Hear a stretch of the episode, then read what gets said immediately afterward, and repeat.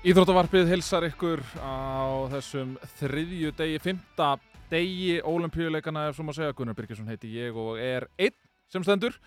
En eh, það verður mikill gestagangur í þessum þætti hjá okkur í dag. Eh, Mikið um að vera á ólimpíuleikunum og því verður á sjálfsögðu gert góð skil í ólimpíu kvöldi í kvöld klukkan átta.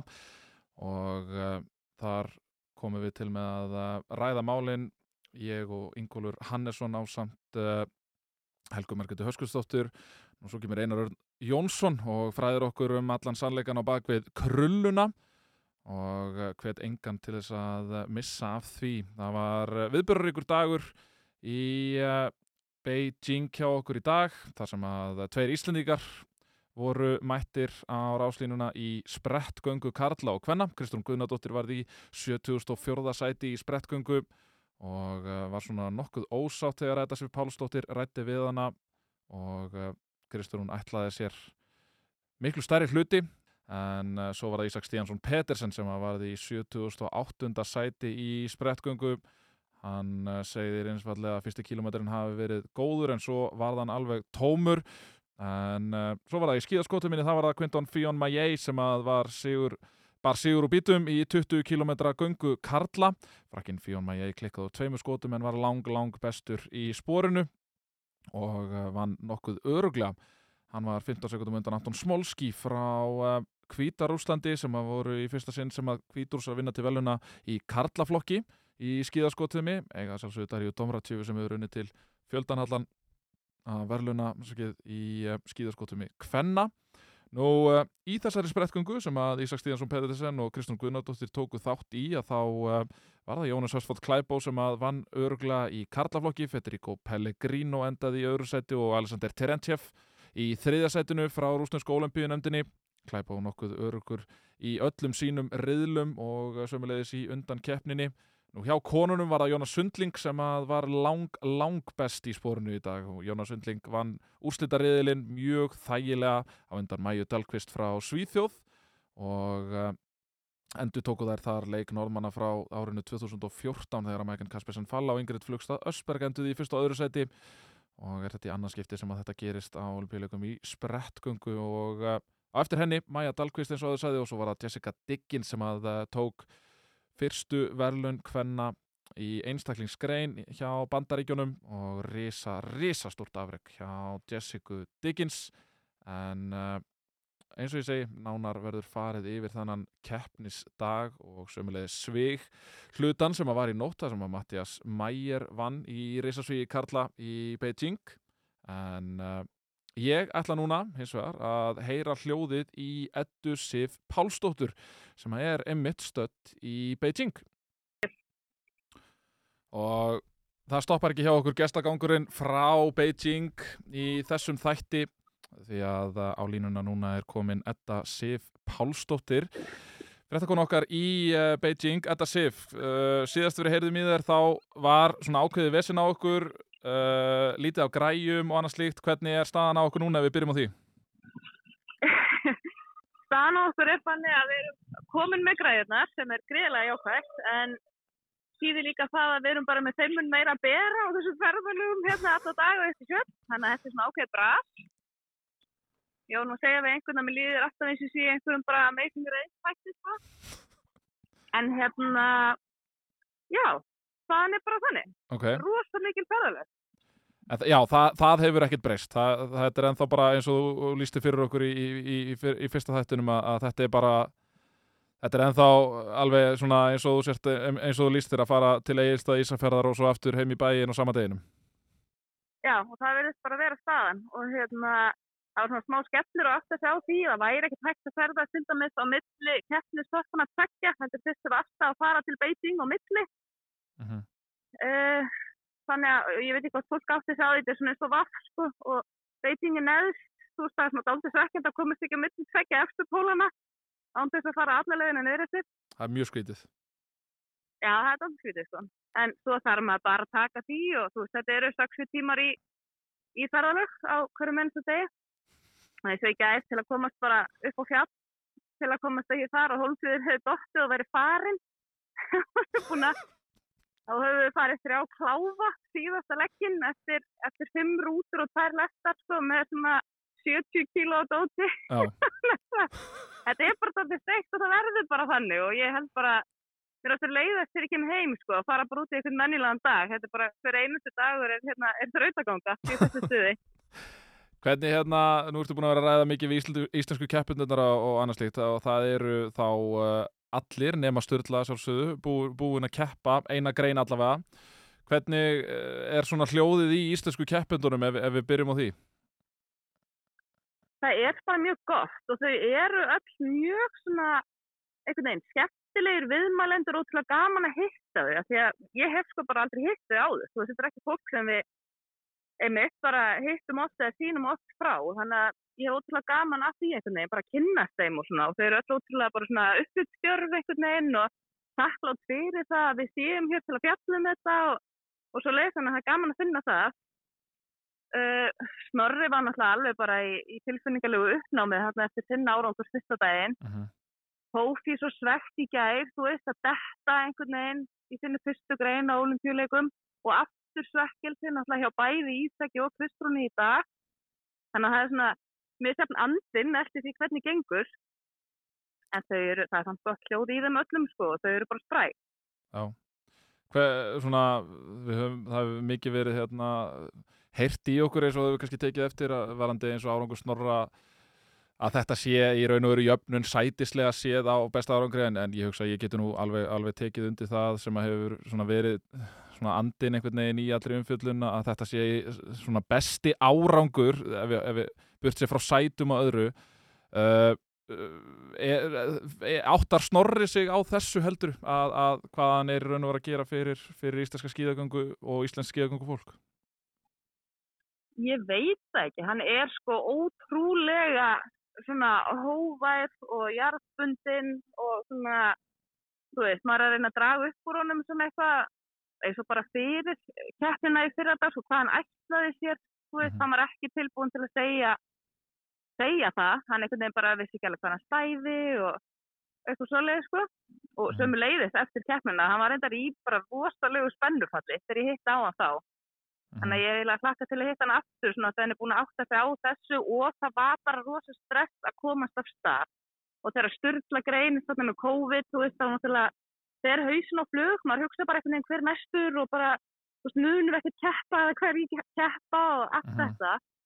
Og þetta COVID er rosalega svona nálegt manni hérna, þú veist, við erum alltaf í prófum, við erum alltaf að heyra af einhverjum sem er einhvern veginn allt í einu horfin í einangrun eða stókví og þú veist þetta að vera svona út úr samfélaginu þannig að það gerir mann líka einhvern veginn svona þú veist við erum svona eins og hamstrar í búri. Þú veist við bara horfum á samfélagið þarna úti og þú veist maður heyrir í manni hósta og ég alveg bara tek sko kappnýtt í burtu. Þú veist þetta er alveg svona einhvern veginn vill engin lend í því og svo allt þetta að vera bara á olimpíuleikum sem er einhvern veginn það allra stæsta og svo margt sem þið hafa farið í gegnum þó þið vil ekki gera mikið úr því sjálf vita seint, þú veist, að við komist á leikana og svo allt með tímamismunin og aðstæðunar og matinn og þetta allt saman. Mhm.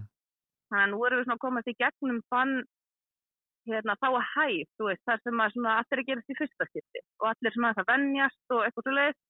Að því leiti vorkendi ég Kristrúni dálítið í dag að því að hún er bara í þessari einu grein og er ekki eftir fyrsta skipti. Einmitt. Þannig að það er einhvern veginn gengur illa og þá er það bara búið.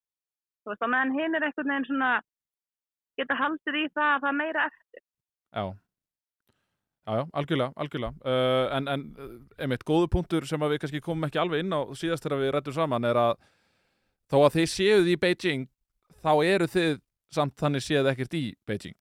Eða þú veist, Nei, það er nefnilega málið, sko. Ég held að fólk átti sig ekki alveg á hvað ég er að meina þegar ég segi þetta. Þú veist, að heldur að ég geti kannski lappa át af hótelinu eða, þú veist, einhvern veginn sjáu einhvern tíman eitthvað annað, en þú veist, það er bara, veist, það eru sér bílar, þannig að við keirum eftir sem götum, en þú veist, við gætum aldrei farið út úr bílum, skilur, við erum það bara að fara yfir á næsta olimpíustað, mm, það sem er líka bara fólk, starfsfólkið og allir, þú veist, það er heldur ekkert fólk að koma kynverar inn af götunni skilur við með, með sendingar eða mat eða eitthvað, bara þeir sem eru núna að taka þátt í þessum olimpíuleikum gista líka bara á olimpíuhótelum mhm, eða olimpíu einhverjum húsum uh, sem eru líka innan búblunar, veist, þannig að það er ekki bara einhvern veginn leikarnir og greinarnar og þetta saman, þú veist, og svo bara venjuleg hótel, heldur er þetta bara þessi veröld og hún bara, það fer ekkit inn og ekkit út, sko, í hvora áttina.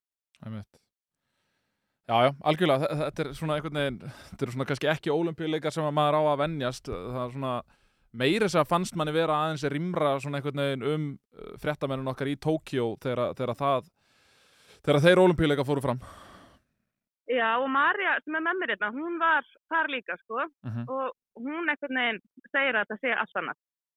Og þar var ekki svona viðvarandi einhvern veginn COVID-hæðsla. Þú veist, það er allir bara með hanska og í búningum og þetta allt saman, hún sagði upplöfunin þar hafi ekki verið, verið einn, sko. Þannig að ég veit ekki alveg hvað, kynverðarnir eru bara mjög, mjög COVID-hættis og bara, þú veist, allt í, í góð með það, en þetta er mjög frábriðin upplifun frá svona venjulegum olimpíuleikum er með sagt bara frá koll- kollegum okkar hérna í, í fjölmjögunum. Einmitt. Ég, sko, þú varst náttúrulega að senda mér þarna eh, einhver, einhver, einhver, einhver skilabóð og snabbt í gær af, af keppni þar sem að hérna, þú varst að horfa á, á, á allar mínar helstu stjörnur eh, hérna, á, á, í skíðagönguhlutanum uh, gær og í fyrra dag. Hvernig er bara, þú veist, hvernig er að vera á þessum svæðum, hvernig er að vera í kringum í öllu þessu rússi, í kringum fjölmiðlana á þessum fjölmiðlasvæðum, vera í kringum norðmennina sem eru stórir í allri umfjöllun alltaf og, og einhvern veginn fylgjast með þessum stórstjörnum, uh, koma í mark og, annað slíkt. Hvernig er þetta? Það er ótrúlega gaman og ég veginn, að því ég hef ekki verið svona involverið í þessum heimi eins og þú, þá er ég svona að nutta þér upp úr því hérna. Ég þakka þér fyrir það. Já, bara ekki, ekki mun halda áfram. en hérna, nei, það er alveg ekki og það er náttúrulega það svona sem að gefur manni bara bústir í þessum skrýtnu aðstöðum, þú veist, að- að fá allavega að upplifa þetta, koma inn á leikongana þar sem einhvern veginn svona alvöru íþjóðfólk er og komum ótrúlega nálægt þeim uh, og þannig að það bara gefur manni rosa mikið, sko. Æmitt. Hvernig, hérna, ætlar að taka viðtalin úrtú? Nei, við, hérna, við Teresa Júhug segja fyrir mig. Ég, sko, ég er að býða eftir því, ég er náttúrulega dressuð í fötum frá fatamerkinu hennar frá toppi til táar, bara þannig að hún getur mögulega svona séð mig og ég getur byrjað að veifa, þú veist, ég ímynda mér augnabliki þannig, hún segir, vá, hei, svo, þú veist í fötunum mínum, eitthvað svona mesta bóla moment lífsminn, En hvernig er að en því að, ég væri rosa til í það. já, en hvernig er eins og, uh, nú hefur verið farið bæði upp, í, upp á Alpagrinnarsvæðið og sömulegis á, á skíðagöngusvæðið. Við höfum verið að ræða það mikið þegar gestir sem að ég hef verið að fá hinga og við keli rættu það í fyrsta hlaðarfinni meðal annars. Er ekki óhætt að segja það, sem er náttúrulega bara mjög jákvætt, að, að Mikaela Sifrin sé stærsta stjarnan og jafnvel að Teresa Júhug sé ekkert svo, svo langt undan? Jú, ég held að það sé bara algjörlega rétt myndið, sko. Mm Ég er svo sem finn það kannski ekkert að svo miklu leiti nema sér bara einhvern veginn svona hvar flestir er að, að hópast, sko. Já. Og hérna, þetta var andaldið fyrðulegt þarna á Alpagreina svæðinu í gæk, þú veist, það einhvern veginn voru svo margir sem bara duttar sko leik, einhvern veginn, þá voru svo fólk svo, hérna, fljótt að fara, þú veist. Það bara, þetta gekk einhvern veginn svona illa og það bara hann, þegar ég kom þá var ég einhvern veginn ekki fyrir að hún hefði verið þarna og ég sá hana til dæmis ekki gæk sem Mm. mm. var mjög svekkjandi eh, hérna, á gönguskíðasvæðinu sem er sko mitt uppáhaldsvæði hérna, það er alltaf algjör stemming og þar kemst maður rosa nálægt fólki einhvern veginn. Og getur staði bara í friði og eitthvað svona, einmitt. þannig að ég er svona bind vonir við að ég, ég hikka okkar konu þar. Já. en það eru klárlega bara stærstu stjórnir hérna sko. Já, það er bara, eins og ég segi, það er bara ógeðslega gaman að sjá. Uh, gaman að sjá svona topp íþróttakonur. En Edda Sif, ég vil ekki þið meira. Uh, Jú, ég ætla að segja með Jú, ok, ok fyrir Dóra sem er að fara að keppa í nótt í sinni annari grein í svíinu. Hún fekk náttúrulega bara frekar mikla byrstu í Já. og hún meitti sig alveg, sko, þú veist, hún fóð beint til Örnáns læknis og þetta var svona daldi tvísing og það var þetta þrýstingur á mjöðmina og svo kom í ljós að hún hefði fengið svona slík á hálsin og eitthvað. En við erum búin að fá það staðfært að hún sé í lægi og hún muni keppa í nótt. Ok, það er frábært að heyra.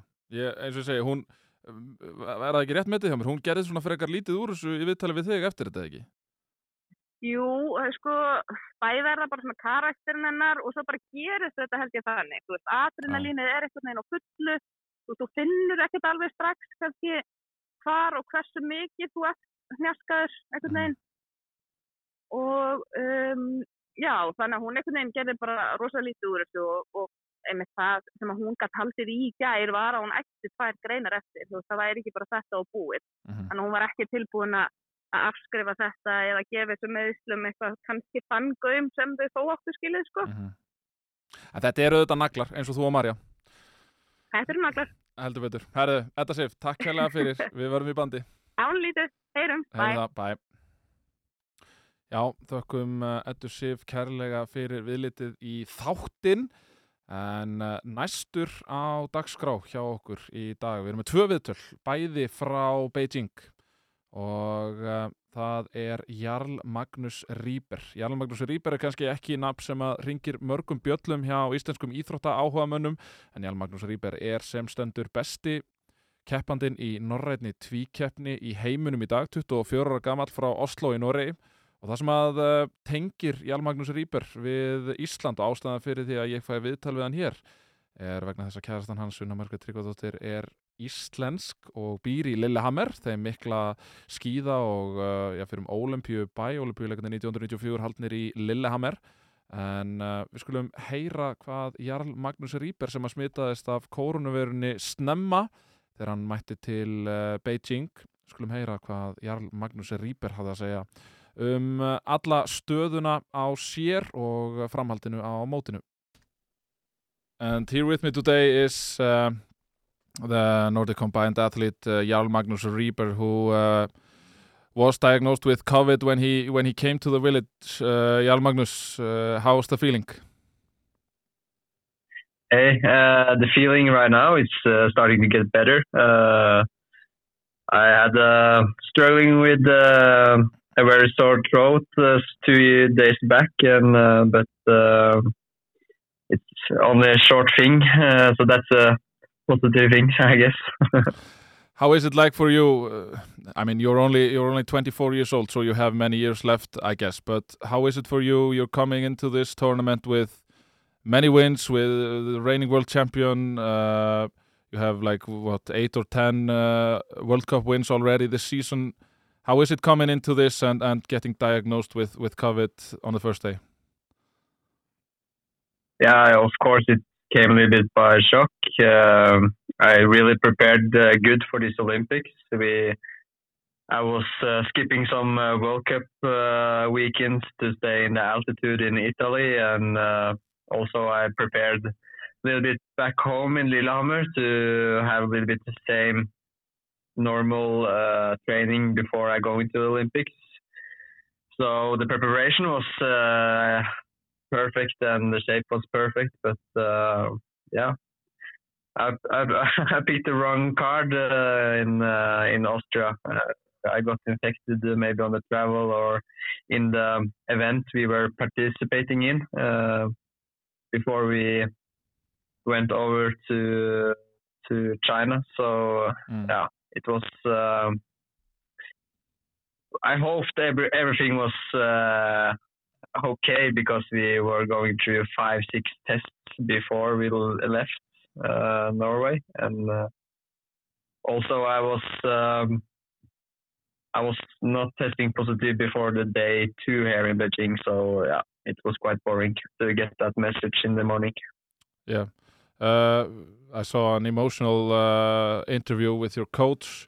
Uh, it must have been a lot of shock in the Norwegian camp when you got infected. I saw that uh, even your friends on other teams uh, for Norway they were in shock as well because they they were afraid as well to get infected. Yeah, uh, it was a lot of people that got uh, put in quarantine after that because we had a lot of uh, near contacts. Uh, like Johannes Tingnes Bø and Ingrid Tandrevold was also one of them um, uh, sitting in quarantine because of my positive test. So, yeah, this really shocked the whole um, the whole team and uh, the Norwegian. Uh, the Norwegian, uh, all the Norwegian athletes. So it's not fun to be that one athlete uh, risking other pe- other on the team to get infected. So yeah, this was just surrealistic uh, experience. Uh, you have uh, what, like two or three events you're competing in uh, in in the Nordic combined. Uh, do you see yourself competing in any one of those, or, or is the Olympics gone for you? If you if you had asked me two days ago, I will say everything uh, the Olympic were gone. But uh, yeah, I got quite fast uh, good again, and uh, now I got a bike on the hotel room, and uh, I do some uh, endurance sessions two times in day, and yeah, I, I think if I can do have stable training now for the next four days, I will be also out of the quarantine, and then it's only three days to the first uh, indoor event in the big ski jumping hill. Um, so yeah, I, I don't think it's possible, but I, I, I live with this small hope that I'm uh, possible to get the chance. Uh, how do you rate your chances if you could compete? How do you rate your chances coming out of a long quarantine session?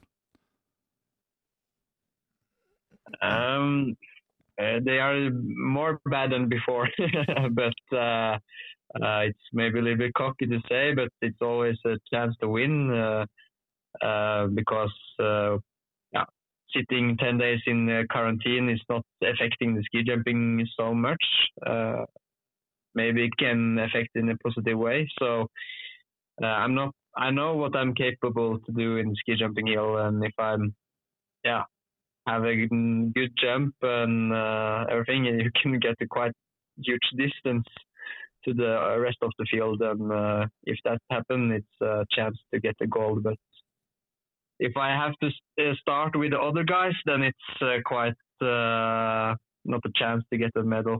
so it depends on the ski jumping, I guess. Uh, how do you rate those? Uh, I mean, you have not spectated it much, I think, but uh, how do you rate the the conditions in in Beijing and especially in in Sangyoku, uh, where your event is is happening? How do how do how does your teammates rate the the uh, the location and everything, the height and everything? Yeah, of course, it's and it's some uh, factors that you not can uh, do anything with. You have um, the the ski jumping is quite uh, windy. You have uh, the direction of the wind is quite changing a lot, so you can have luck and you can have bad luck. So this is the first uh, difficult task. But if you survive this, you yeah, it's a quite normal ski track. I guess it's uh, it's uh, not hard. It's not easy. It's uh, quite normal, and uh, yeah, I think yeah, I think they have made uh, good uh, hills and tracks for the Olympics there. So you you saw it in the cross country races. The best the best is winning, and also in the ski jumping hill. So yeah, I think it's a nice nice area. Have you been following your uh, national team athletes like in, in cross country and biathlon? Have you have you been able to to see it from the from the quarantine? Do we have a television there? Yeah, I, I, I uh, use a phone. Uh, I was um, lucky enough to get a little bit experience from uh, some other guys that were sitting in quarantine. So uh, my coaches was going to the store and buying a SIM card for a phone, so I get internet because uh, it's quite bad here at the moment. Um, and uh, yeah, so so luckily enough, I have enough internet to see a little bit on Olympics and everything. But yeah, the time is spending it's more on uh, calling people and trying to get the days go a little bit faster. But I mean, uh, you must have been like one of the main candidates for the Norwegian to get gold medals. What it's all about for the Norwegians in, in the Winter Olympics. Yeah, I I was maybe there uh, um, a good chance to get uh, some goals. Uh, so it's not positive for the statistic that I'm not uh, maybe not participating, but um, yeah, I see some of the other guys in my team uh, are on a very good shape at the moment. We have Jürgen Grobak and Jens Luros draw. It's uh, they have also had some good training jumps in the hill. I didn't see on the results. So yeah, I think um, uh, the chances for them to be on the podium and also on the top is quite high. So uh, so I I have to say we really it's also someone other from um, uh, Nordic Combined that is affected. You have Erik Frenzel who won the Olympic gold in Pyeongchang, and also Christian Ilves, uh, one of our team member in Norway. He's from Estonia, but he is also laying in, in uh, this Corona hotel above me, actually. So um, yeah, it's a lot of guys from top six in the World Cup overall that's it's out. So the chances for the other guys is a little bit better, I guess. But how do you rate? Like, there has been a lot of talk in Norwegian press that uh, the Norwegians didn't prepare enough in, uh, especially in the elevation, because there's competing in 17, 1700 meters above sea level. So there's been a lot of talk, especially about the cross country team, that they didn't prepare enough for the yeah. for the competition. You talk about you coming from uh, elevation training. Uh, they were in Sæsur Alm for part of January. Uh, yeah. Have you have you taken notice of of this? Uh, like what has been happening in the in the Norwegian press? Yeah, uh, I have I see the discussion, and yes, of course, the, it's uh, uh, all the Corona situation has made it harder for Norwegian to go for altitude camps, uh, and we are also not taking the risk uh, the past two years because yeah, we don't know the side side effects of being affected.